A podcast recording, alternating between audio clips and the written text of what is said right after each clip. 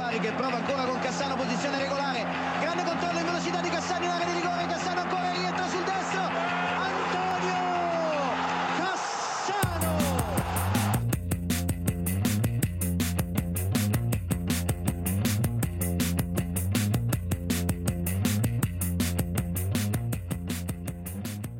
Já, það er punktur að basta eftir langa en því miður þurftum við að fresta upptöku fram á já, daginn í dag og við erum mættir til að gera upp mistradildina. Ég, Árni frá Ítalju og Björn Már. Mistradildin, Evropadildin, Sambandsdildin, Ítalskadildin, BSC, Kvennadildin. Það er allt tekið í dag. Algjörlega, menn eru að tala um að Europadeildina séu þetta bara ítalska deildir, deildir það er með öllu þessu, ítalsku lið innanbór sem þá, nú, nú var að Já, þetta er svona, ég ætla bara að byrja þáttinn á að ósku öllum Napoli stuðnismönnum til að mikið með titilin, við hefum ekki heyrst síðan þá að þeir unnu þegar við tókum hann að þátt upp rétt fyrir leikin þeirra og bara frábæra árangur, vonandi heldur til Laurentis áfram með liði að eiga það og, og þeir haldi svona sínum bestu leikmennum já, í sumar. virðist vera virðist vera að svona selja Kim, það er kannski Kim sem er svona mest orð, orðaðir í burtu við hérna, mikið orðaðið Master United þegar við séð. Um, og Ossimenn náttúrulega verður eftirsóttur en svona kannski virðist, vera sem að Kim sé maður sem verið fórnað á, á Díla Rentis alltarinnu í sumar og, og þeir byggja liði kannski bara aftur, byggja upp aftur liði í kringum Ossimenn áfram. Já, það er spurning líka hvort að Todd Bowley hjá Chelsea hafi einhvern veginn svona augastað með bara þessu Napoli konsepti, ringi Spalletti og fá hann yfir og, og takja Ósi menn með sér sko. það, mér finnst Ósi menn svona leikmaður sem er sk- skrifaði fyrir Chelsea sko. Já, það er reyndar alveg rétt sko. En svo er reyndar kannski stærsta, hérna, stærsta orðrumurinn í kringum Napoli reyndar er maður sem við höfum rætt í þessu þætti, Giuntoli, hérna sportingdirektorinn hjá Napoli, maðurinn sem að hústlaði þessu öllu saman, sa- sa- sa- hérna sótti alla þessa leikmenn, eh, hann orðaði þína menn í Juventus. Já, ég held að sé bara að vera ganga frá því nánast sko. Það er alltaf st mjög sterkur orðrómur og menn eru að tala um að hann sé búin að kveðja já, eða, eða þakka Napoli fyrir bara tíman sem hann he- hefur haft þar og, og hann svona já, líti hýru auga til Juventus bara af því að svona spennandi projekt, stærsti klubburinn og svo litli lægð svona sögulega séð Já, kannski auðveldar að sannfæra mennum að koma þangað og fara auðvitað aðeins sem öðruvísi prósett að vinna með, en hann er búin að vinna þreikverki hjá Napoli, þótti kannski fáum að vita raunverulega hversu mikinn heiður hann á þessu liði, Díla Rentis náttúrulega tekur bara þann heiður í sjálfur og vil meina að hann hafi fundið alla þessa gæja og, og svona, en hérna, en Tjúndóli er, he- hann hefur eitthvað auga fyrir leikmönnum og fyrir talendum, þannig að það verður mjög spennandi að sjá, hérna, hvað hann, hvað hann getur gert hjá, hjá að hafa nú, hafa verið í basli með, með hérna, kaupin sín, yngöpastefnuna síðustu ár, síðustu ár eftir að þeir sóttu Ronaldo eiginlega, bara. Já, ég, ég held svo sem að til og rendi sé ekki að, að horfa til Georgíu þegar hann er að leita leikmönnum sko, en ég held að það sé nú kannski aðalega sportindarekturinn sem tekur þær ákvarðanir og, og svona scouting networkið þeirra. Uh, en sjá líka að þeir eru orðaði við þarna já, marga leikmenn frá Asju bara upp á síðkastið það er greinilega eitthvað til og rendis og, og þeir félagar séu spennti fyrir því að fara þess að kim leið. Já, ég veist það svona, fara strax að varu að bjöldur og hringja á mér þegar maður heyri svona, veist, ein, hérna, ein, ein velhæfnu kaup og þá allt er allt í einu að finna, finna fleiri gullmóla þarna, þetta er svona, maður hefur heitt þessa, þessa Já. pælinga áður, menn missa sér svolítið í, í, ég ætla að endur, taka eitthvað sem að gekk vel, en hérna, en jú, það getur alveg verið að þeir mæti bara með heila, heil asíslið hérna á næsta tíðumbili. Já, ég við sjáum hvað gerist sumar en að bara já, öðrum málum það voru Íslendingar á, á kvennaleikum helgina í, á Ítalju Inter Fiorentina, Íslendingaslagur þar sem Anna Björk var að keppa móti Alessandru Jóhans og já, vinkonur Önnu Björkar eh, fóru bara í beinti flugvél flugu til Milán og tóku leikin og fengu sér tattu í leðinni sá ég. Já, uh, hvað, hvað fengu þessu? Hvað, hérna, Já, þær fengu sér þarna setninguna Dolce Farniente sem þýðir svona fegurinn í því að gera ekki neitt. Ok, svona sunnudags afslöppun skilur ok. Það er gott, það, það er mjög gott, það er mjög gott. Ég, ég bara, allt respekt á fólk sem er með ítölsk tattoo sko. Og ég fór nú svona sjálfur að hugsa hvað maður myndi fá sér sjálfur sko.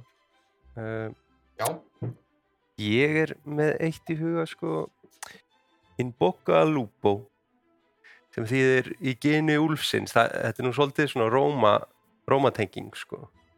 Já, það, það, þetta þýðir svona svolítið break a leg sko. Já, gangiði vel í mitt, já. Gangiði vel, já og, og, og þá svarar fólk uh, krepi uh, eða þá dauði til úlfsins eða vífa það, sem, sem þýðir að, að úlfurinn eigi að lifa. Það er aðalega svona, já, vegan fólki sem er, er í því, sko.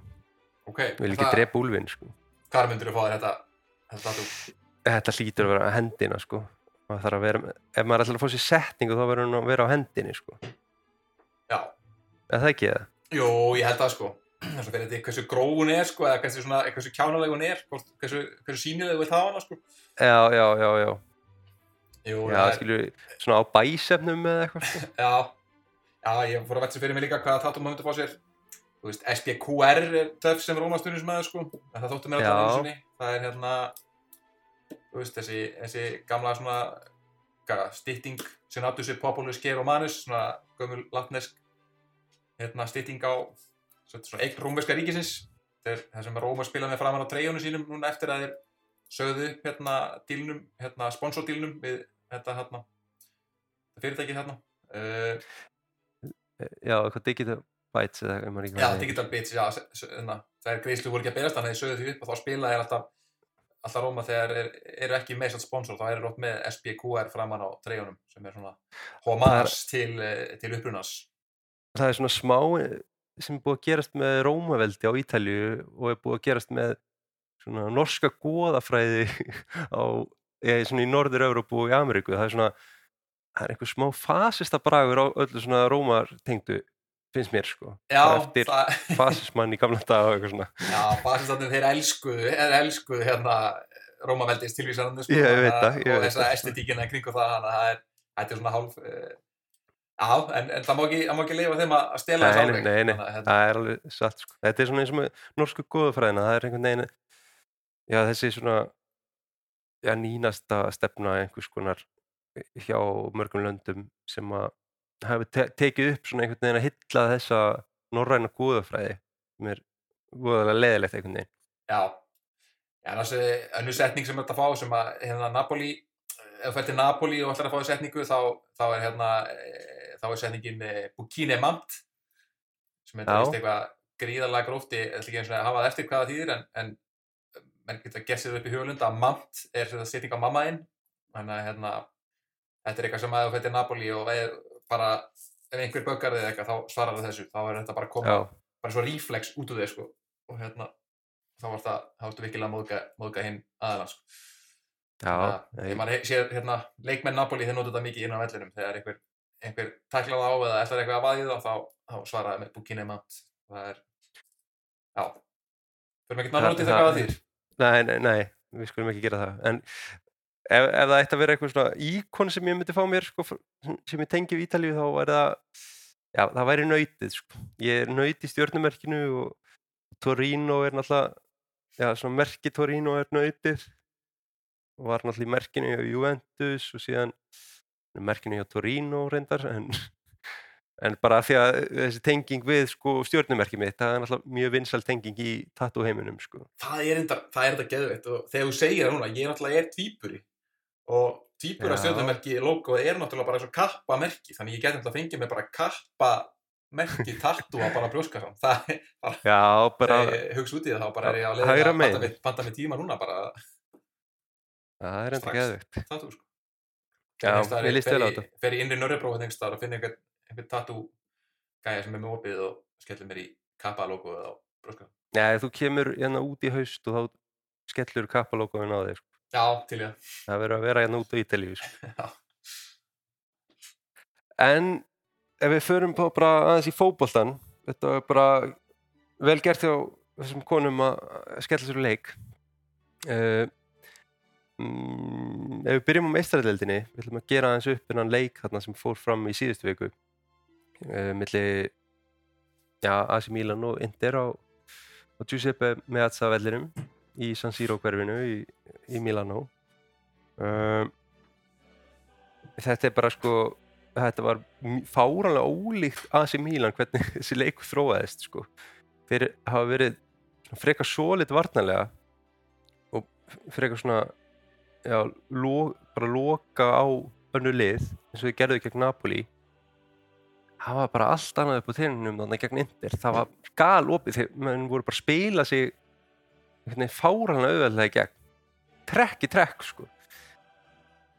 Þetta er alltaf að byrja á því líka alltaf að Rafael Ljá væri ekki í þessu leik. Hann, hann er, hann er mittur hérna í AC Milan og þeir svona strax fyrirfram held maður og þeir myndi bara pakka þá ennþá meir í vörð og hérna freistaðist kannski að ná í úrslitið setnileiknum með Ljá og sérstaklega líka vegna þess að það er stótt, þrátt fyrir að AC Milan hafi verið á heimavelli hérna í þessu, þessu fyrra einví mm uh, það sé að voru með svona meiri, meiri hluta hérna, áhorfenda og svoleiðis en, hérna, en bara það gekk illa að pakka í vörn og þeim var bara, bara sundur spilaðir og þetta var einmitt svona öfugt við eins og ég þetta leikurinn myndi verða sko. Inter hefur verið meira svona kannski aðeins klöfskari svona sögulega séð og AC Milan með svona allt undir kontról í stóru leikjunum svona undanfarið tvö ár kannski á Ítalíu en, en þarna var, var þessu alveg snúið við og bara Inter menn já, bara tilbúinir í þetta, vissi alveg hvað er þetta ætluð að gera og hvernig er ætluð að, að, hérna, að stríða Asi-liðinu.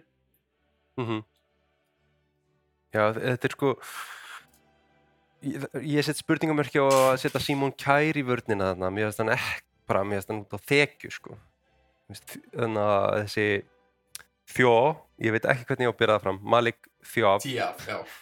Tíaf uh, mér finnst hann búin að vera að spila mjög vel og einhvern veginn, finnst Kær bara fáranlega kærulaus og ekki í standi til þess að spila hennar leik sko. Já, veist, hann hefur verið að spila sér inn í liðu undanfari kér, sko, og eh, veist, var dóttin út úr liðinu hann um, um jólinn og svo veginn náður að spila sér aftur inn í liðið, en, en einmitt, bara þegar hann, þegar hann á slagan dag, þá er hann ríkala slagur einhvern veginn, veist, uh, og, og Interliði hefur vantilega verið með eitthvað uppleg hvernig þeir ætluð að, að, nálgast hann hvernig þeir ætluð að, ráðast á hann lítið hann kannski sem einhvern einhvern uh, veikleika. Þannig að hérna já, bara, einmitt, hann var slagur og var skipt út af hann bara eftir klukkutíma leik. Já, ég ég bara skil ekki sákvörðin hjá Inzaghi.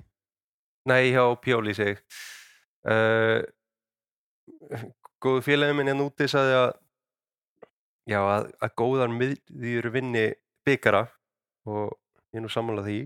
Sjáum svona liðin sem eru líklegast til árangurs núna í, í meistardeldinni eru náttúrulega bara með heimsklassa miðjur uh, og þar er indir ekkert einhver undantekning finnst mér sko.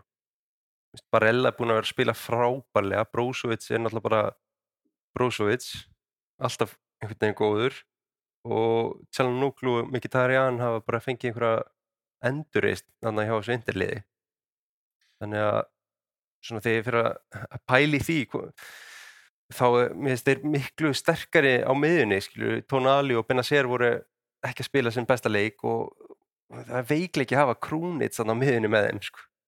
já, algjörlega, Krúnins er svona stingur í augun svolítið að hans sé hérna sem þriði miðjumæður, Þa, Mhm. það er munurinn á liðunum Benna segir einmitt Benna segir fyrir mitt rútaði fyrirháleik uh, hann og Tonali eru hrikalega góður en Krúnits er ekki alveg þarna uppi uh, þannig að það var kannski á endanum líka munurinn á munurinn á liðunum sko. Mm og þeir náttúrulega þurftum að, að hliðra öllu kerfinu sínu út af að Leo er sko þeir halda fram að spila kerfið sem eh, Leo hendar vel inn í en hann er ekki að inn á sko. Þannig að þeir eru með já, eiginlega Díaz og Salimangers og Köntunum Já, og með Díaz eða eitthvað sem frekar átt að vera inn á miðjunni að hjálpa til eða þú veist, með, með sinn, sinn hraða eða eitthvað þannig að þetta er svona, einmitt eða þá að breytum kerfi eins og þeir voru að gera þegar Leo var að spila illa sko.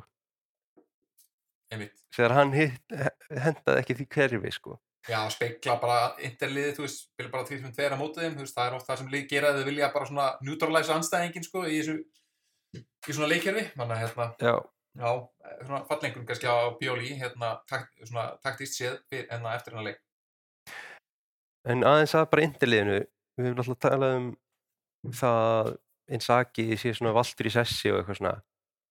Það er náttúrulega eiginlega ótrúlegt sko. Gæin er svona nánast að skila Inder í, í úrslutaleikin í meistardeldinni. Hann er að skila þeim meistardeldasæti í deldinni. Hann er að fara í úrslutaleik í byggarnum í, já, annarsinn og tveimur árum, unnum allir fyrra. Ég, er hægt að kvarta út undirstuðnum maður, skilju. Þetta liði á ekki miklu peninga í dag, sko. Já, sko, það sem ég held að sé svolítið að trubla allt einhvern veginn á Ítalíu, ég meina bæði þú veist, þegar við erum að fara yfir hvers, hversu sterk lið séu, það er svo lítill munur á efstu sýstrónum sjö, eða sjö eða, eða átta, það er, þetta er svo ótrúlega jaft og það ræðist á svo lítlum, það tala um að lýsa að mistiga sig og AC Milan og, og, og, hérna, og Inter og og svona en ég meina þetta er bara svo margir leikir á móti öðrum toppliðum líka að þetta er bara, það er ekkert sjálfsagt, það er ekkert lið sem gerir bara kröfu á það að komast í meistradelt sko og jafnveg liðin sem dýrustu liðin mistiða sér aðeins og þá eða fara langt í Európa og þá veldi hérna Atalanta mætt þarna upp eða, eða, hérna, einmitt, eða Róma allt í hennu í Lazio í, í harðari bara út í mestradarsæti sko þannig að þetta er, þetta er svona, þessar sjö sýstur þarna eru bara mjög jafnar uh, mm -hmm. og mhm. bara það er ómöðulegt einhvern veginn að já, skera svona komast hérna, upp úr þeim pakka. Napoli tókst það núna alltaf með einhverju stór fyrðulegu en stórkvæmstöðu tímabili en hinn liðin hafi ekki náða sína þessi svona tann stöðuleika þannig að hérna, einn saki líður svolítið fyrir það en, en þú veist að þeir hafa verið slagir á tímabilinu en það sjá það svo sem allir á, á, á lengum köplum en í dildinni en hérna en ef, ef við skoðum bara nýðistöðun eftir tímabili þá held ég að hann e, hljóta að geta lappa inn á skrifstofu og, og tala við yfirmennar sín og sagt bara hólfið bara árangurinn, ég er að skila þeim þetta í annarsettið og, og meistarallit og egustitt og, byggar sko. Það er bara fárunlega vel gert sko og sjáum líka bara síðustu leiki þeir bara svona gegn stóru liðunum þá eru þeir ógeðslega svo lit sko. Já, bara Saki er mjög góður í, í stóru leikunum sko.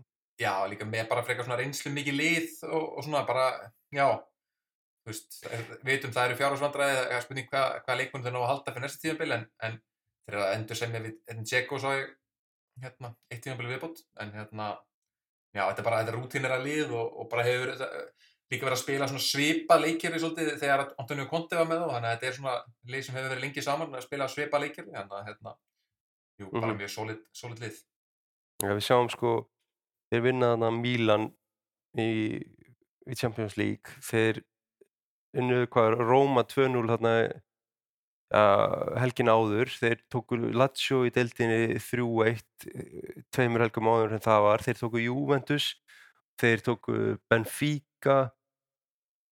Þeir hafa skiljur þeir mér finnst það bara alltaf góðir gegn stórliðanum sko. Já, já, en það, þú veist, ef að þeir ef þeir sem fara í úslæðleikin í, í mestaröldinni þá fá alveg leik þar sko. Það er ekkert Já, ég held það nefnilega sko Er um það sko Ég held að sitt í hendiðin betur sko, bara út frá reynslunni sko. Ég held að þessi leikmenn eru náttúrulega ekkert eitthvað reynslu litlir, litlir í sitt í liðinu skilur en, en þú mætir einhverju Real Madrid liði sem er bara maskina í meistrarlildinu, það væri, það væri rosalegt sko. Já, það var líka bara, þú veist það eru leikmenn í, í interliðinu líka sem hafa spilað á Englandi og hérna, þú veist Mkhitaryan og, og Ceko sem að, þú veist ekki að það alveg já, já, og veit alveg hvað hérna, veist, hvað þarf til gegn, gegn þannig lið líka hann að hérna, jú, verður, þetta verður leikur úrstum alveg sem að hverjir, hverjir komast ánga sko. Já, en um, ef við förum í leikin á morgun eða já þriðdaskvöldi, hvernig hvernig sér þetta þróast? Sko, ég held að ég held að Indi getið unni þennan leik líka ég held að, ég var veldur sem fyrir mér á hann ég held að, ég að spá bara að Indi sigri 2-1 ég held að bæði liðmjöri skóra uh, að sem Mílan mun þurfa að stíga upp uh, einhverju tíapúti, hvað sem þið gera frá byrjun eða ekki, mm -hmm. ég held að þeir kannski svona byrja aðeins rólega og svo reynir svona að færa sér framar og framar. Og þeir munu skora Rafael Leá og verður öllum líkindum með, hann, hann mætti nú aðeingarsvæði í dag, daginn fyrir leik lungu fyrir æfingu og hann, hann hefði vendalega verið í einhverjum einhverjum nutti og kæliklefa eða hva, hvað sem sem menn gera. Já. og hérna, meina, hann, þetta er bara leikurinn sem hann á að spila og, og gera hæslu munin uh, og hann var að skrifa undir nýjan samning uh, er ekki búið að staðfesta það endanlega það er búið að tala um það eins og þetta sé Fa- dönn díl núna í, í já, mér syndist að Fabrizio kom með þetta, þá er það bara staðfest, sko.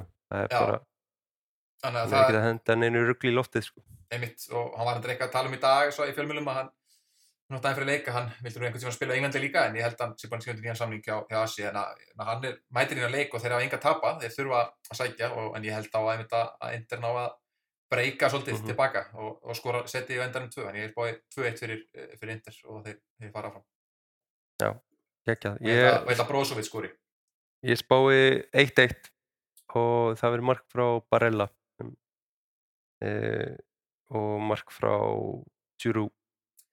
Við erum að treysta á miðjumenn, miðjumennir þú þeir segir Barella, ég Já, segi Brozo- Brozovic Já, en að Evropadeildinni þá skellti ég mér á völlin uh, Juventus ja, mættu Sevilla í, í Evropadeildinni í fyrri viðregninni þar sem að svona já, leikurinn já, ég hef séð skemmtilegri leik. Ég get viðurkennt það.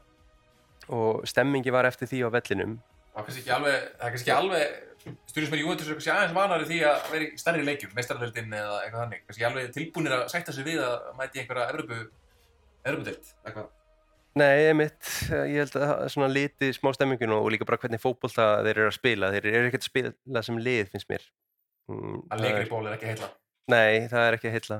Og, en stemmingin breytist allverulega þegar að Federico Gatti, títnefndur sett hann í netið á 97. mínútu. Það fór ja, það, það var allt tjúlað sko.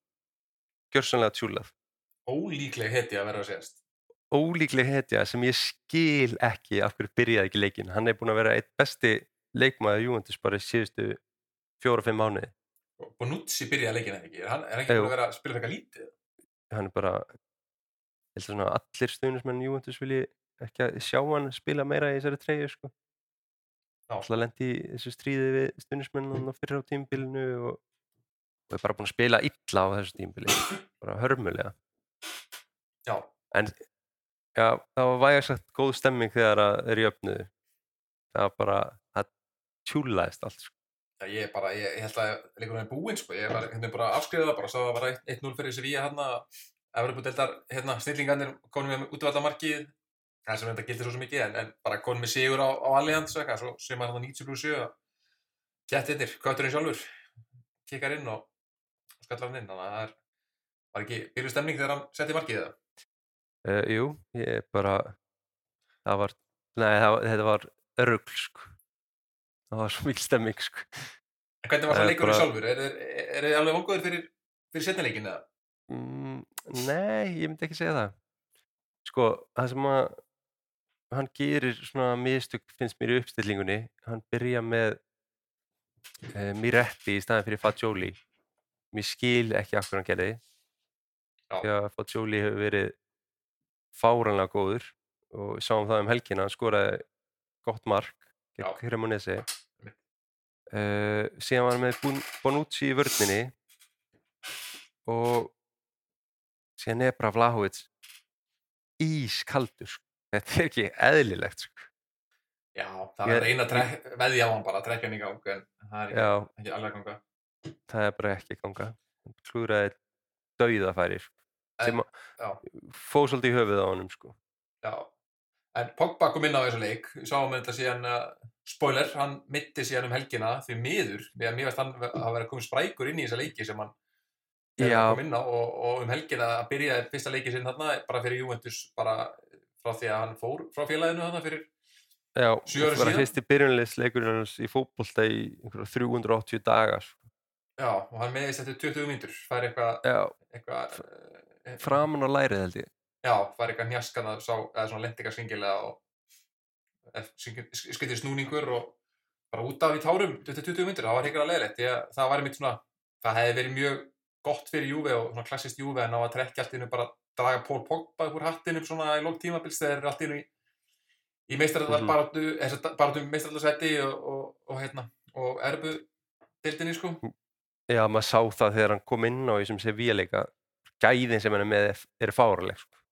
Já, hann Já. er alveg ógeðslega góður í fótbolta sko. Cremonese leikur líka, þú veist, á móti Cremonese og allt það, sko, bara öll, allar reyfingar, þú veist, snerpan, þetta var allt bara einhvern veginn, bara annar level, sko, heldur að mann hefur séð þarna hjá, hjá þessum minni spámunum þarna á miðunni hjá Júi, sko.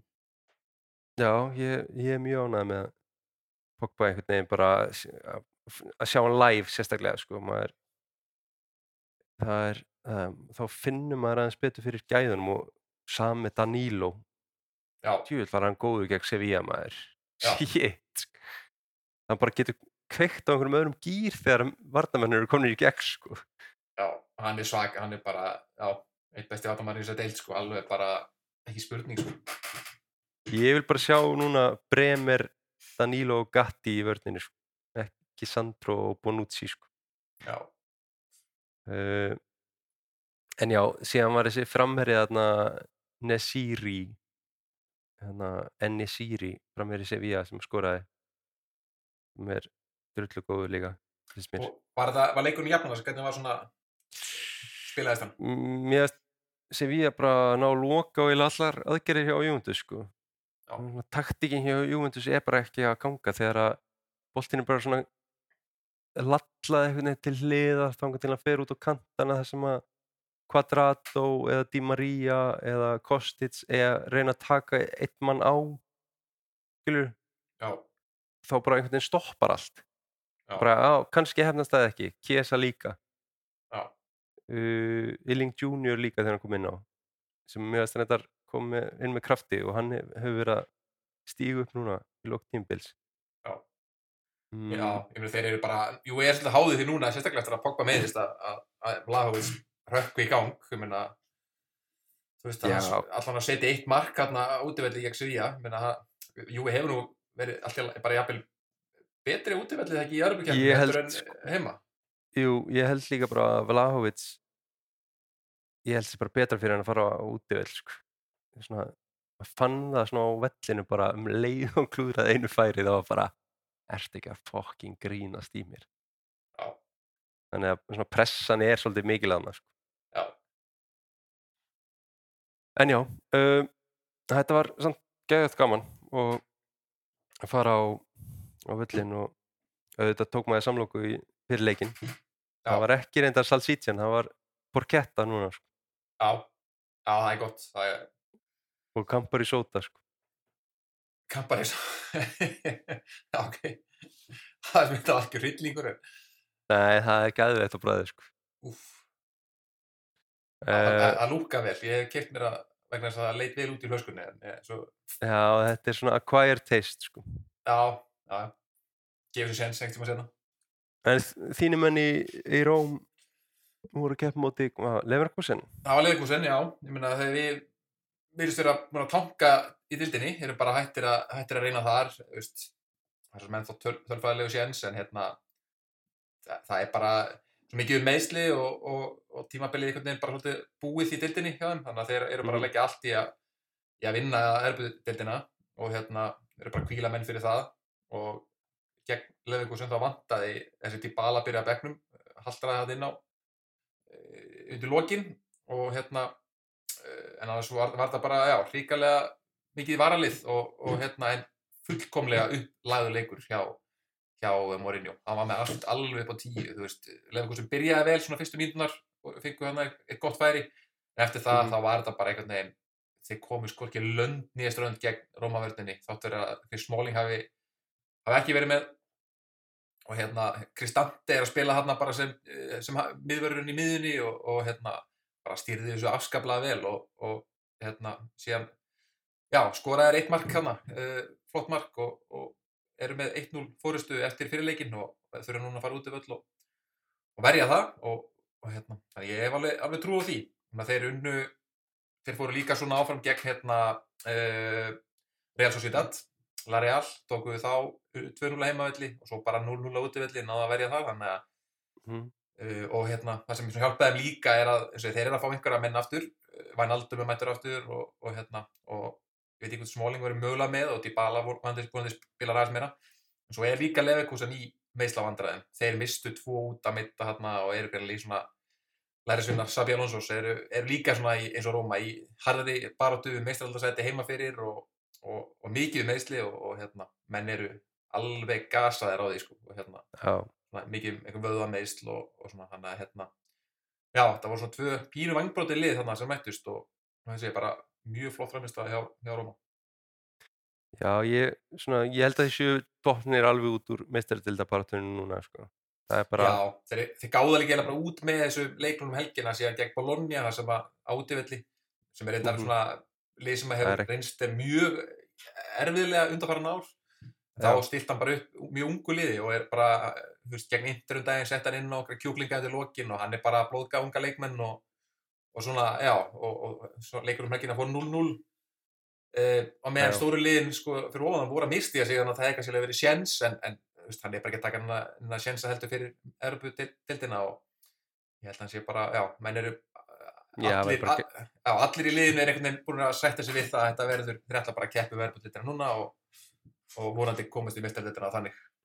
já, en það er eins gott líka samt að spila upp á þessu leiki þarna í heima fyrir af því að ég myndi að halda þeir vilji fara í sambandsdeildina eða Evropadeildina á næst tímbili sko, ef þeir vinna ekki úsleðleikin í, í Evropadeildinni. Já, jú, jú, en ég held líka að þeir eigi ágætis prógram líka eftir, sko, ég held að var, þú veist, þannig að, jú, ég held að allan að, en þeir, þetta er bara erfbildi núna og þeir eru í ágætis, Mm. ágætis málum þar og hérna ég er bara spenntur og með Mourinho í brúnni þá, þá uh, ætla þetta ekkert að veðja, veðja móti því að Róma fara hann í úslitin. Róma er náttúrulega eina lið af þessum þremur, neða þessum fjórum sem eru eftir hérna í, í erfbildinni sem að uh, Mhm. kom ekki úr er, þeir eru náttúrulega hófu leik í erfbyggjefni á meðan Juve, Sevilla og, og hérna Leifurkusen uh, dutt út lendi þriðar þetta riðlunum í, í meistardildinni þannig að þetta er fýtt nárangu svo far en við viljum komast í úslit og, og taka þetta.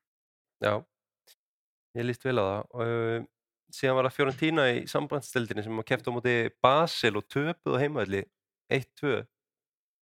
Já, það var víst alls ósangjart sko, ég sá svona úr leiknum og hérna svona tölfræðin síndi að þeir, þeir komist yfir 1-0 Arturo Cabral sem að getur ekki hægt að skora fyrir Fiorentina, hann skoraði gegn sínum gömlu félögum og, og fagnaði ekki gegn Basel mm uh, á Ítalju, uh, en já, þeir fá síðan tvö mörgir raskandi í setni hálfleik og töpuðu 2-1, þannig að þetta er ennþá alveg uh, doable og, og hérna og þeir hafa verið mjög góðir í þessari keppni núna Fiorentina á útivelli þannig að hérna, Já. þetta er alveg, þetta er alveg opið ennþá en, en klálega vombrið og hérna en, en já, þeir, þeir eru útivallalið því þetta er að við unnið bæði hérna hvað var Alkmaar sem þið mættu hérna í Európu fyrst Mm. og, og unnu, að við og í Portugal unnuður útileikin í Pólandi, Lech Poznan unnuður eftir 3-0 útivalli þannig að það er svona og, voru síðan lélegur á heimavalli þannig að ég held að það er alveg, þetta er alveg, alveg dúabulega ennþá þannig að hérna Já, líka bara, já, eh, það veri bara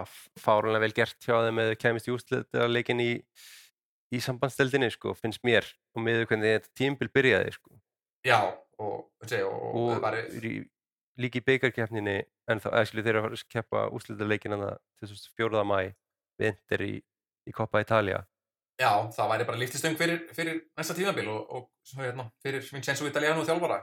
Spurning Já. hvort hann sé ekki einmitt svona næsta útflutningsvara, ítalska þjálfara útflutningsvara uh, hérna, sem kemur frá Serie A og eftir Del Serbi og, og félögum. Hann er að gera góða hluti og bara svona vera svona framúrstefnulegur í taktík og byggjur upp góða stefningu og góður byggar, byggargæði. Þannig að hérna, það getur líka vel verið að hann það verður hort til hans þegar lið í öðrum löndum er að ráða þjálfara ja, við höldum með þeim allavega gegn Basel það Já. er staðfest klálega. uh, aðeins að helginni þarna bara kannski svona stærstu úslitin eða skrýtnustu úslitin voru Spezia vann AC Milan á heimaðalli 2-0 Já, þetta var mitt það er eins og, er og stóru liðin sé bara í svona uh, hálfgerður svona vopnarlið, ég er búin að semja svona vopnarlið á topnum, eins og ég Róma mennur að hætti að reyna og, og þetta bara leifa Mílan og liðanum að taka eða svona að vera fyrir ofan sig en hérna, Inter tók sinnleik auðvitað en AC Mílan enn og aftur í basli og að tapa gegn Spezia ég held sko, að Spezia hafi líka stólið stigum að þeim í fyrri leiknum þannig að þú veist, þeir eru að fá Jú. þá, það ekki? pass, passar það ekki? Skoraði ekki Esposito þarna líka í fyrirleiknum eða eitthvað? Jú, Nei, var það, jú, var það ekki hann? Náttúrulega, já, ég held að, held að Spetsi, ég held að þeir hafi tekið AC Milan er svolítið að fá eitt, heilt, eitt stík úr þessum tveimur leikjum við, við hérna, Spezia.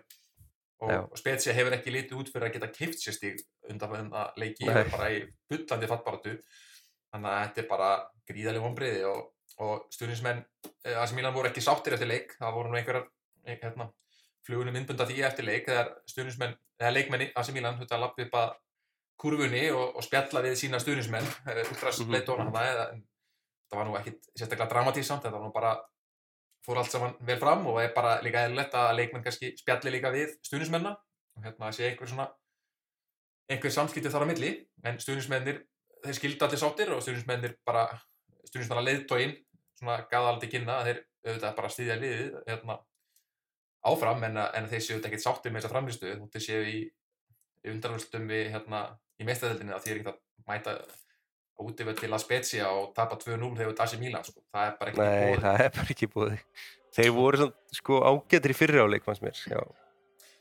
Já, já, og svo, þú veist, svo hitti Spezia með á eitthvað svona svakalega dag, ég menna, verjast vel einhvern veginn, Mhm.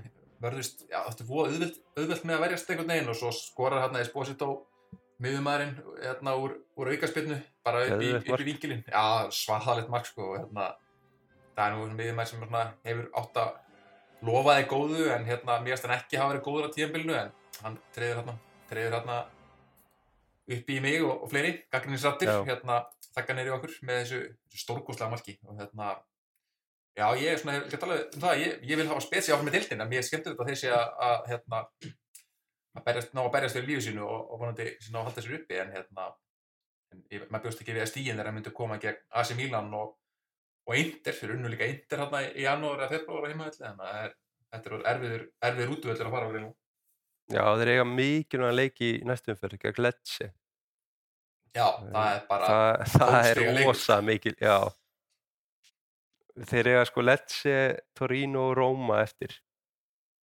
Já, þannig að þeir verða eiginlega að fá þrjú stig og helst eitt stig í öðrum hvernig leiknum. Já, Róma útivelli í lokaleikju, það er ekki, það, það er ekki eitthvað sem þú vilt sko. Uh, en já, bara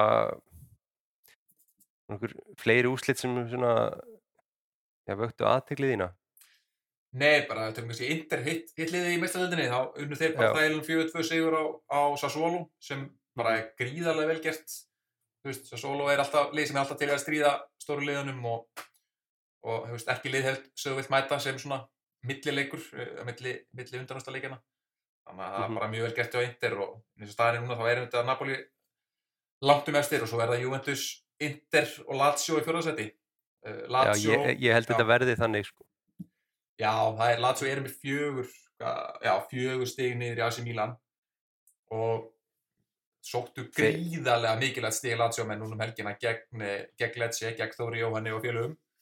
Já, á 90. mínútu. Já, það var bara, þetta var dagger og fyrir, ég horfði með þetta hérna að loka mínútur hérna og sá að Þóri kom inn á og, og, og hefur hann að loka þessu leik Lecce. Og já, svo bara kemur þetta ein eh, þre- 20 sekundur á einhvern veginn lélegri varnavinnu hjá Lecce liðinu og klaufaskap þetta mark er gríðarlega klaufalegt sem að, hérna, sem að Sergei Milinkovic Savið skorar fyrir Lazio hérna Mhm. í uh, 90 pluss fjórar eða eitthvað og hérna, og þar með, já hjóan djúpt skarði í, í, í voni Lecce um að halda sér uppi en hérna, Úgeðslega dýrt fyrir Lecce sko. já, eiginlega dýrara sko, en, en svo er hann, gerir það líka verkum að, að Lazio er þá fjórum, fjórum stigum uh, fyrir ofan AC Milan og það eru þrýleikir eftir þannig hérna, Já, þeir eiga sko auðvelt prógram eftir þeir eiga Údíne Údínese, ég kalli þetta alltaf af því að þetta er í Údíne Já. Údínese, uh, Cremonese og Empoli. Cremonese er bara hljóta að vinna þann leik. Já, það ég held að- komið þrjú stig sko. Já, en ég held, sko, sögulega, svona síðustu ár hefur nefnilega, sko, Lazio út að minnst í þessi gegn eins og litlu liðum, en eins og Lecce núna helgina 2-2, þannig að, þú veist, ég held þeir, þeir, þeir klára ekkert alla þessa leiki, sko, ég held bara, jafnvel ekki, sko, ég held að AC Milan eigi möguleika, en það er bara spurning hvort AC Milan á að klára sína leiki, sko. Já, ég er ekkert viss um það Nei, það er ekkert maður sem Það er. Juventus í, í næst síðasta leik Já, já, ok, Ég er þá, að fara á völlin sko. Já, ok, þú með þig hérna trilltana upp á pöllunum Já, já, þeir fóru ekkert að skora. með kampar í sóta þarna í annari og Já, klálega, sko. Já. Nei, sko, AC Milan á, já, eiga Sampdoria, Juventus og Hellas Verona, eitthvað rosalega erfitt prógram fyrir utan alltaf Juventus-leikin. já, En þeir þurfa svona telst að vinna alla leikina, sko. já, að ég, sko. já, ég held að ef við, við taka alla leikina þá, þá held ég að Mhm.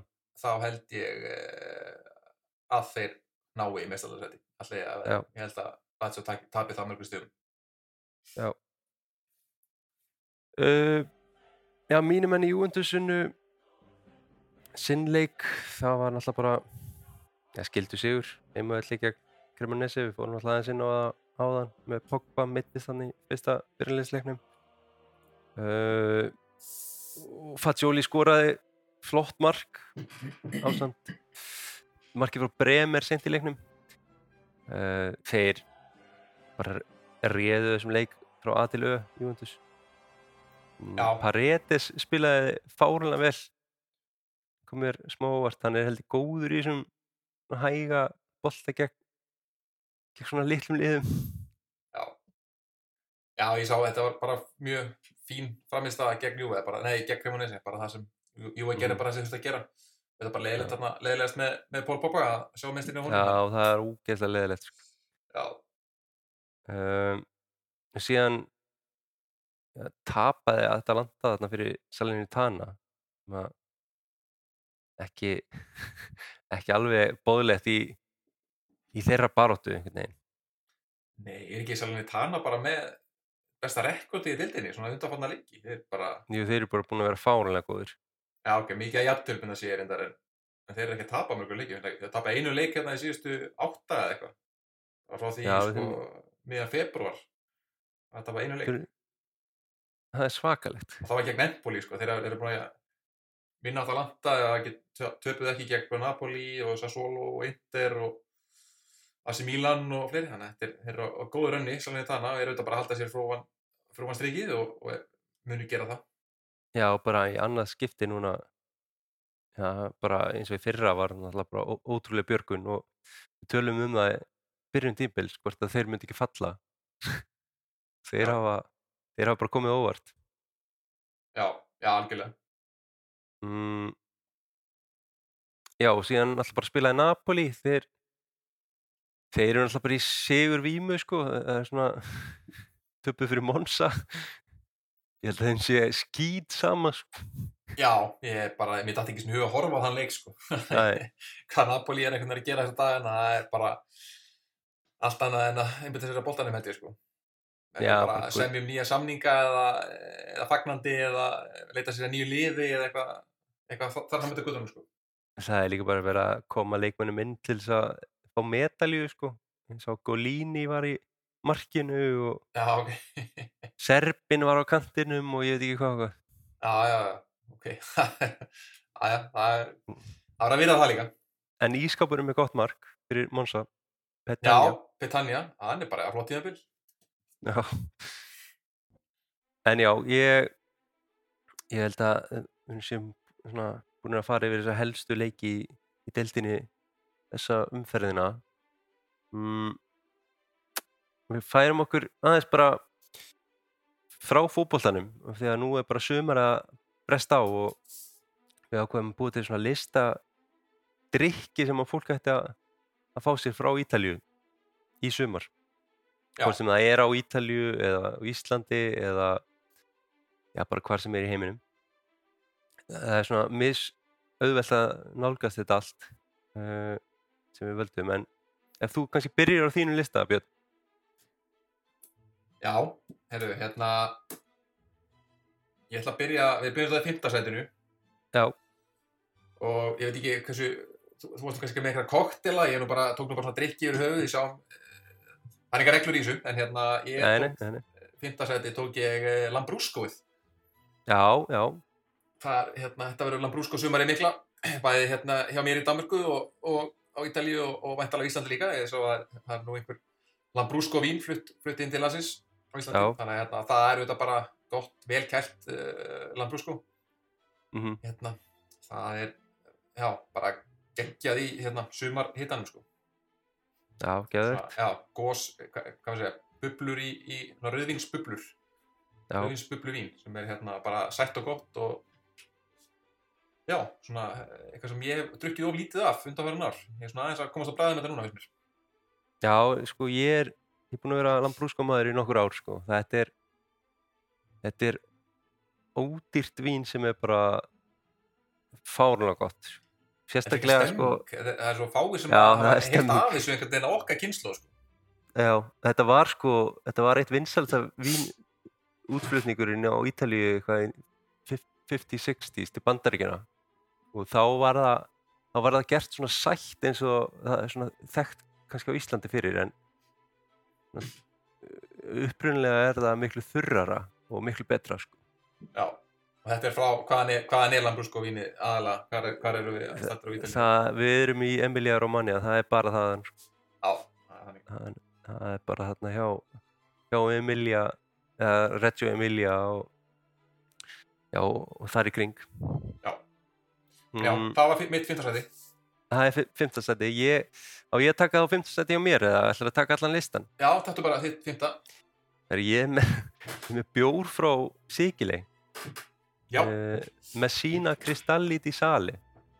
ok. okay. Messina bjórtegundin og Cristalli di Sale er, er ákveðin bjórtegund frá þeim.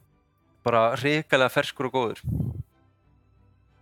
Þetta er svona léttur lager eða eru einhverjum þingri? Já, þetta er, þetta er lager. Ég snert ekki neitt annað í bjórnum heldur en lager í dag. sko. Já, það er sama hér. sko. Já, Hressand að heyra þetta. Já, það er bara, þetta IPA tímabili mitt leiðundi lók fyrir svona 6-7 árum. sko. Ok, ok. Um, þú tekur fjóraðsætið þá. Herri já, þá ætti ég einhvern veginn bara að fara í klassiska sem að, veist, það þarf ekki að segja neinum að fá sér það á Íslandi. Það er bara Perónín. Já, já. Ég leifi, leifi líka Birra Þú ert Moretti. bara í straight forward dæmi, sko. Já, Birra Moretti, ég leifa hann. eh, Hérna, uh, Peróni er það svona rómveski bjórin, su suðranni bjórin, að meðan Birra Moretti er, er frá Milano. Já, Hérna, en bara bjór og fjör, og fjör choice, annarkvort. Það er hérna, það er bara sumadrykkurinn 12 árið í rauð hjá mér. já. Er það sá græni eða sá rauði? Ég er í græna. Ég, ég veit ekki af hverju, ég er bara mist að gildnilega þannig. Ég, ekki- það er eina, Já, eina er, er mitt. miklu betri, sko. Já, Uh, í fjóraðarsæti á mér það er Verdeka hvítvín frá Salento í Puglia ok. mjög precise sko. Verdeka er þrúa og ég bara smakkaði þetta fyrst skipti núna síðustu viku og var reikalega hrifin þetta er ekki svona ofsætt eða súrt hvítvín, svolítið þurrt reikalega gott, ok, þetta ég að, svona sumalegt sko. Já, ég var að prófa. Ég, ég, ég rauðvinn frá Púlja, ekki, ekki myndtefalli, en hérna, en hvítvinning kannski eru mjög á mér. já. Heru, þá er það þriðarsæti hjá þér. Herri já, það, það er svo sem drikkur sem að, ég veit ekki hversu sumalegur hann er, þú ferð á barinn um svona miðjan dag, og það sé hitt úti, það að fá sér einn hérna uh, kaffi með, með rommi, annarkvort kaffi corretto eða ef þið eru þarna í kringum Pisa Livorno og fá okkur ponsi alla Livornese, Livornese, hérna, púns frá Livorno, það er hérna bara kaffi kóttel, bara gamla góði hérna espresso skotið og, og hérna rom, sigur og sítrunabörgur. já, þetta er alvöru sko. Já, það er, þú veist, það má, menn drekka heitt kaffi líka á sömurinn á Ítalíu og það má fá sér kaffikottina líka, sko.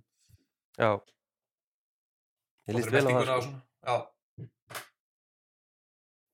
Ég er sko með ég er með koktel sem er auðvelt að gera heima sko. Það er Garibaldi það er þjóðheitjan frá Ítalíu já, það er svona next level mimosan sko, fyrir þá sem vilja svona aðeins harðara sko. það er harðari. Ha- appelsínusafi og kampari sko. Shit. Þetta mætti mitt að kampar í aftur, sko. Það er, það er á listarum mínum, sko, yfir hluti sem ég ætla ekki að drekka sumar, sko, en hérna, ah, ok, ok, ok sjáum til. það eru tvö sæti eftir það geti, það geti verið eitthvað kampari þar. Já, uh, Já, hvað hva er í öðru sæti hjá þér? Herðu, annars þetta, þá þú heldur ekki að beða henni Íslendingum að prófa það, það er hérna bara Fenni Branka, Já, það er bara, það er gamla góða, bara það er gamla góða, það er, þú veist, ég veit ekki um kaffið það, barinn bara. já, já, helst þar, uh, ef þið eru á Íslandi. Og hérna, já, þú veist, er, eitthvað tilefni sem að það- það passar ekki vel við, bræðast vel, rennir lúlega niður, uh, stórbæti meltinguna, uh, vilja menna, Já, ég- þannig að, hérna, Ég af- verð svolítið í, fernet í kók, það er argentískur svona drikkur. Ég held að Ar svona flestir argentínumenn halda að fernet sé búið til í Ar- Argentínu, sko. Af því að það er bara, þetta er svona nánast þjóðar partydrikkur, sko. já, það, Já, fernet í kók, sko, og nóa fernet, sko. já, ok, þetta, já, þetta fyrir að listan hjá mér, Já, af þessu sterka af þessu sterka hérna ítalska, þá er það þú veist, ég er ekki grappamaður grappa er ekki á listanum mínum eins og, eins og hérna, eins og glöggir menn taka eftir og, og ekki hérna, neitt, neitt aperol eða, neitt þannig. Nei. um, og ekki, ekki þú veist, viski, þeir eru mikið hérna, viski og sóta en, en ekki alveg mitt en, en þetta, já, ég geti prófað þetta. Fernet kók, það er bara, það hljóma vel já, ég, ég mæli með því. Ég, það er svona, fyrst skiptið kannski ekki alveg nógu gott, annað skiptið þá ertu bara húgt, sko. já, En öðru sætti hjá mér, Campari Spritz. já, það er Það er að fara að koma sér frá þessu Aperol tískuæði sko og bara beint í það, beint í Campariði sko. OG, Aperóli toppaði 2022 já. Það er Campari Spritz í ár sko. Það er búið að vera undanfarn ár, nú er það, nú er það kampari spitsi. Ég, Já. já, Það er líka svona meira valjú fyrir, fyrir peningin sko. Þú ferð, við erum Campari sko, kostar oft bara sama verð sko en alltaf áfengismagnið er hærra sko. já, ok, það eru, eru menn sem sperra eirun þegar, þegar þú segir þetta, sko. Já. Þá er það fyrsta sæti hjá þér. Eh. Sum, sumadrykkur, já bara ársins. Já, það er bara eða sama hefur verið undanfarn ár og, og, og hérna, uh, já, það er kannski ekki að kynna en, en það, þarf að, það þarf að minna á hann reglulega því að að hann er, hann er mjög vanmetinn eh, bara, og hefur verið það í, í, í ára tugi. Það er eh, limoncelloið. Það er limoncelloin sko. Það er það besta sem ég fæ af, af drikjarfungum á, á Ítalju og hérna, Já. eða hérna heima hefur eftir, eftir aftökum og sko besta limoncelloið er, þú veist, það er, það mismun- mismunandi smekkur manna en, en mér finnst best svona heimagerða eða þegar veitingastæði bjóð upp á svona úr könnu, úr fyrstunum hjá sér þetta er svona punt, þú veist, ég er frekar að fá aðeins þinnra kannski og aðeins, þú veist, starra glas með aðeins svona þinnra dæmi, frekar en að Já. fá hennar svona þykka, svona, svona eiturgræna flöskunni. eða eitur svona gulgræna Já, þessar rosa Já. sjálflýsandi litur, það, finnst það, það er ekki gæðastimpill, sko.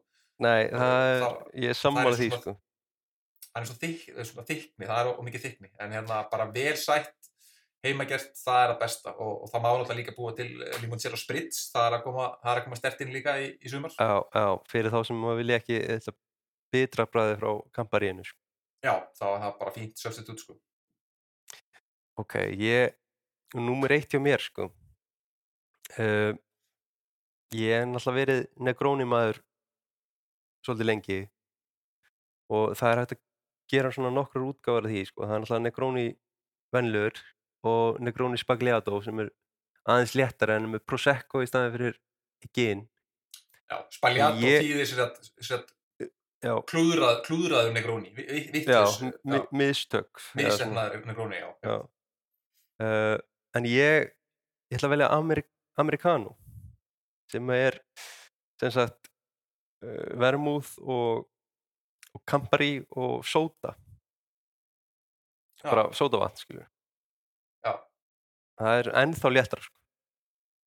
já, bara mjög léttur það já, já. En ég mæli með því. Þetta var svona topplistur okkar.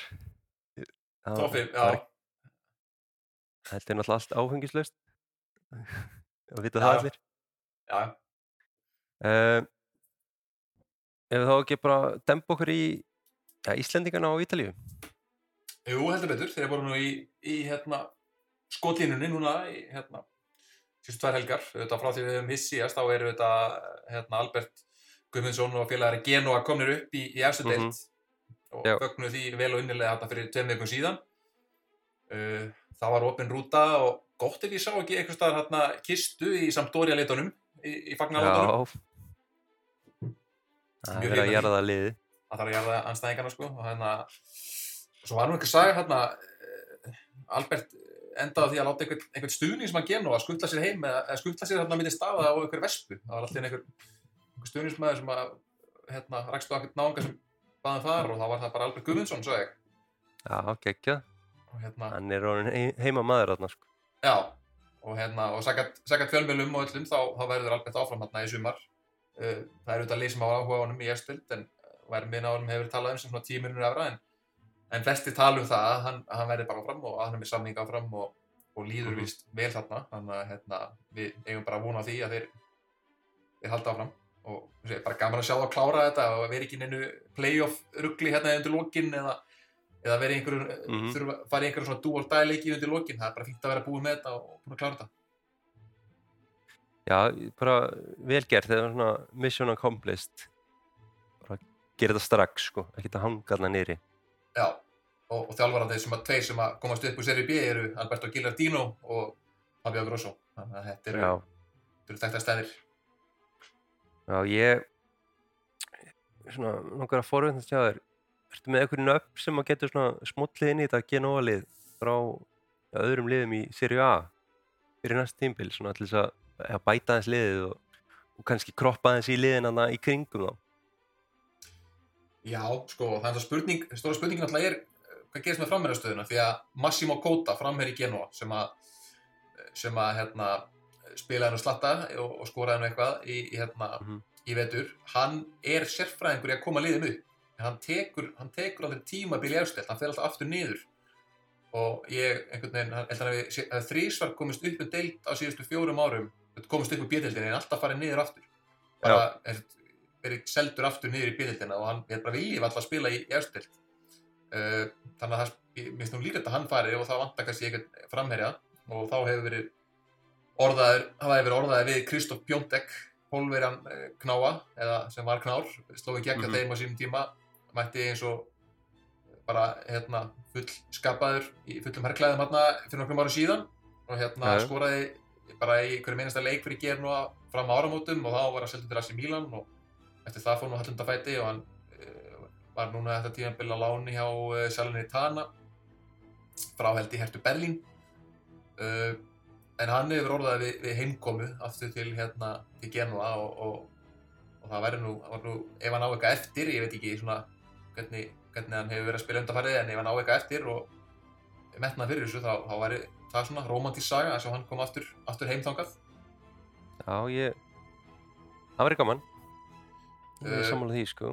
Já, svona annar leikmaður í þessum botliðum þá er þetta skemmtikrafturinn David Okereke hjá, uh, hjá hérna Cremonese Já, sem hefur búin að skora sjö mörg á tíðanbylunum fyrir þá. Svona, spræ, svona fljótur sóknamaður spilaði hjá Venezia árið það áður reynda búin að vera þá í tveimur falliðum í, í röð en hérna en er svona snöggur sóknamaður fýtt skyndisóknamaður og hérna já, getur, getur verið bara hérna fín svona viðbútt við vopnabúrið hjá, hjá Genoa mhm, uh, svo er svo þriðji og það er það er uh, leikmaður varnamaður, Hafsend sem að ég held að sko hann hefur, það er leikmaður sem hefur líka alltaf verið eiginlega bara í serju B, gríðalega góður hefur tveisvar eða þrísvar farið upp úr serju B og hann fór upp núna með Frosinone hann heitir Lucioni, miðvörðurinn Já. uh, 31 árs, 32 var fyrirliði held ég Frosinone núna þannig að er spurning hvort þeir ná að lokka hann yfir en það er gríðalega góður Hafsend og bara allt og góður til að vera að spila í hafa verið að spila svona lengi í serju B og hérna segi bara reynslu mikill uh, já, ætt, ætti að eiga mörgundur leiki bara í serju A. Þannig að það er svona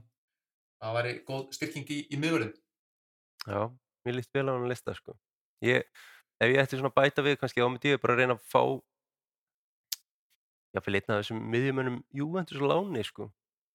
Mm, eins og Rovella eða uh, Miretti eða einhvern svona já, þeir, sko þeir eru náttúrulega með svo gamla miðju þetta er Kevin Strootman og hérna. Milan Badei og, og hérna, Sturaro Já, einmitt þrýr gríðarlega gamlir en hérna kraftmikli að þeir þurfa ekki einhverja svona yngri með þeim Já, e e eða sko hjúlmand ef að, ef að Letsi fellur sko. Já, hann fyrir samt bara í eitthvað stórlið sko. hann fyrir bara Já, í Inter eða Róma eða eitthvað eða Júi sko. Já. hefur hann verið orðaðið við allan Já, en það er bara frábært hjá Albert og félagum að komast beint upp og vonandi báður svona ágæti styrkingu og geta stimpla sér vel inn í dildina á næstímbili algjörlega Mm, Já, það var stórleikur hjá Mikael Lagli í Venezia sem eru komni núna í playoff-sæti. Uh, hann skoraði þarna sigurmark í 3-2 sigri, skoraði þriðja markið í, fyrir Venezia og komnir í 3-0 og mista niður í 3-2 í lokin. Uh, átti líka stóðsendingu, búin að smetli í þetta Venezia-lið eins og blís við rask. Sko. Já, hann var valið liðikunar og bara eins og hann er bara einn af þeim sem eru bara snúa gengið liðs við, fara úr Mhm. þegar hann er upp í playoff-sæti og bara eru til alls líklegir. Sem að þeir, þeir fóru upp úr playoffi fyrir tveimur árum síðan og hérna fjallu síðan og bara það væri náttúrulega gríðarlega romantísk saga að þeir færu aftur upp í gegnum playoffið þannig að hérna, þeir, þeir komist í playoff-sæti hérna á kostnað uh, Písa þannig að hérna Písa, Hjörtur Hermannsfélagar eru, eru þannig rétt fyrir neðan playoff-sæti og það er eitt leikur eftir. Þannig að við, við vonum að við vonum nú að Písa komist við playoff-sæti og, og hendi þá Palermo hérna út. Já, ég svona ég veit ekki, hva, hvað myndir telja líklegast til þess að fara upp úr, úr, playoffsinu? sko, því miður bara þá held ég að Suðu Tíról eh, sem spilar vist ekkert sérlega fótbolta og er frá Suðu Tíról, hann er kannski ekkert vola lung fótbolta hefði þarna nei. en þeir eru bara hreikala solid eru þarna í fjórasæti núna og mjög gott varnalið sem er nú gott oft í, í playoffs þannig að hérna, Mm uh, já, liðin í playoffsinu þetta eru, þú er alveg nöfn, sko, þetta eru Bari, Parma, Cagliari, Venezia, Palermo þetta eru lið sem hafa reynslu ræðstelt en ég held að. Suðu Tíról þú veist, ég heldur um að það, það veri þeir, meina, þeir eru í fjórastætti deildinni og þeir eru búin að skora 37 mörg í 37 leikjum. Það er svona, Það er það er, segir ímislegt það segir ímislegt, hún að fá sér 32 Já. uh, Ég ætla að gera þetta svo djarfur og, og segja að Venezia komist upp. Ég hef smá trú á því. Þeir eru, það er búið að vera svo svaðalegu stígandi í leiknum þeirra já, og já, bara tímbilinu já, þeir eru bara í einu besta forminu af liðunum og bara með góða sóknarlínu og markaðasta Mhm. leikmanninn í, í Jóel Poyampalo finnur knái hérna, Ég þarf að kaupa með treyju með þeim gæja sko. það er ílíku leikmaður sko. dyrkan sko. já þannig að jú, þeir, þeir eru alveg jú, þeir, þeir eru á topa réttum tíma allavega sem maður segir Já, ég, ég ætla að gera svo djarfur að segja að þeir fari upp líka bara út af því að þeir eru líka með reynsluna í því. Svo tíróli er ekki með reynsluna.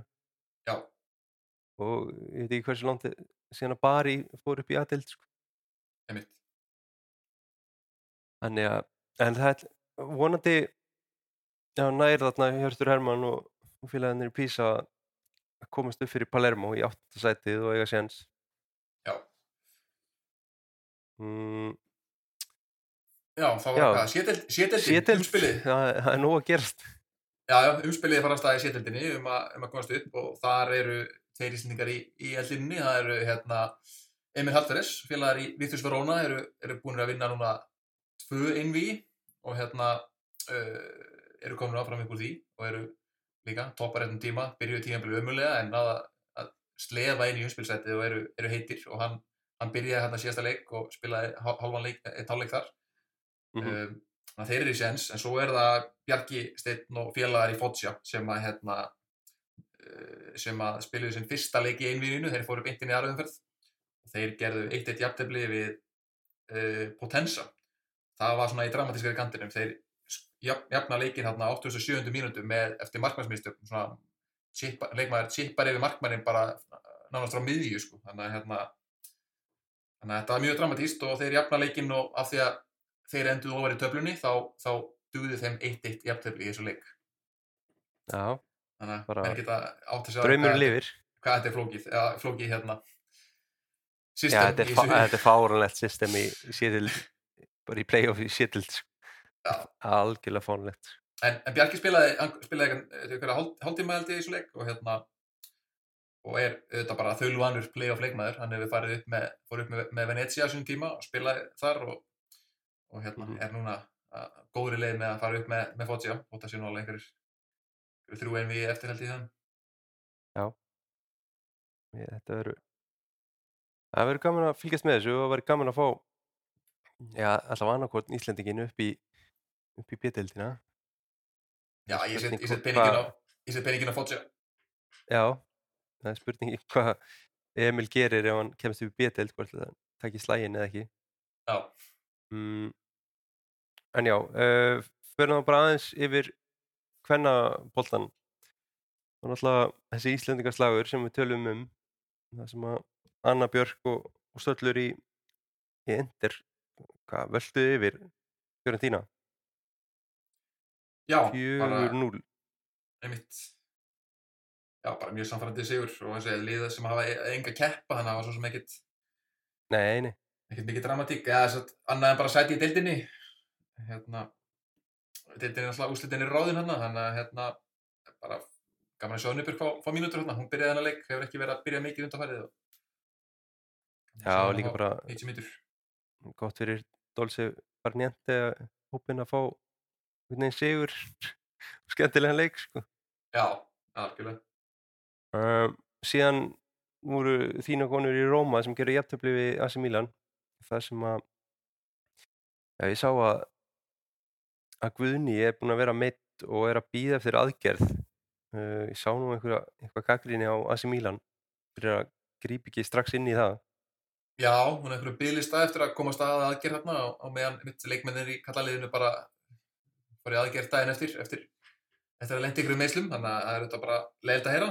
Og hérna já, en hún hefur ekki verið að spila undanfæri einmitt af því að hún er einmitt og þannig að hérna, við bara vonum að þetta sé ekki alvarlegt og að það sé aðgerðin hefnist og hún væri bara klár í slæðin á nýju tíðanbili já, maður vona það. Uh, já, svona það var svo sem ekkit eitthvað meiri sögulínur í, í, í kvennaboltanum. Þetta var Sara, það var ekki leikur hjá Juventus þannig að Sara var ekki að spila uh, og Parma spilaði Margrét Átnandóttir kom inn á reyndar á 90. mínútu. Þannig að það var- gott fyrir hann að koma inn á hún hefur náttúrulega ekki spilað mikið. Nei, þannig að ég bara já, það er spurning hvað hún gerir ásamt fleirum í sumar, hvort að einhverja fari og einhverja aðra komi til Ítalíu og spila. Það virðist allavega vera svona að Íslandingandi fái sjens já, já, algjörlega. Það er bara það er stóra hlutverkum hérna allan í, í eri hluta töfnunar já. En já, ég bara ég held að við séum tæmdir þessa vikuna. Það verður náttúrulega hrigilega skemmtilegt að fylgjast með þessum Evrópuleikjum. Já, og við bara mætum aftur eða ekki bara eftir, eftir helgi eftir bæði erfleikina og síðan deildina, helgina. Jú, það er bara klart mál. Ég segi bara in bocca al lupo.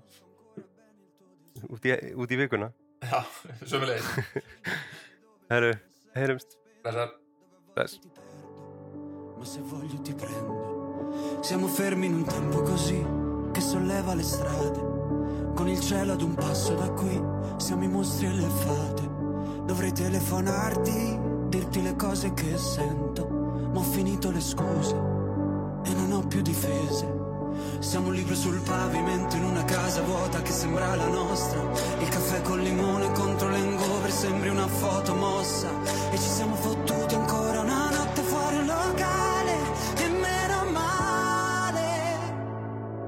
Se questa è l'ultima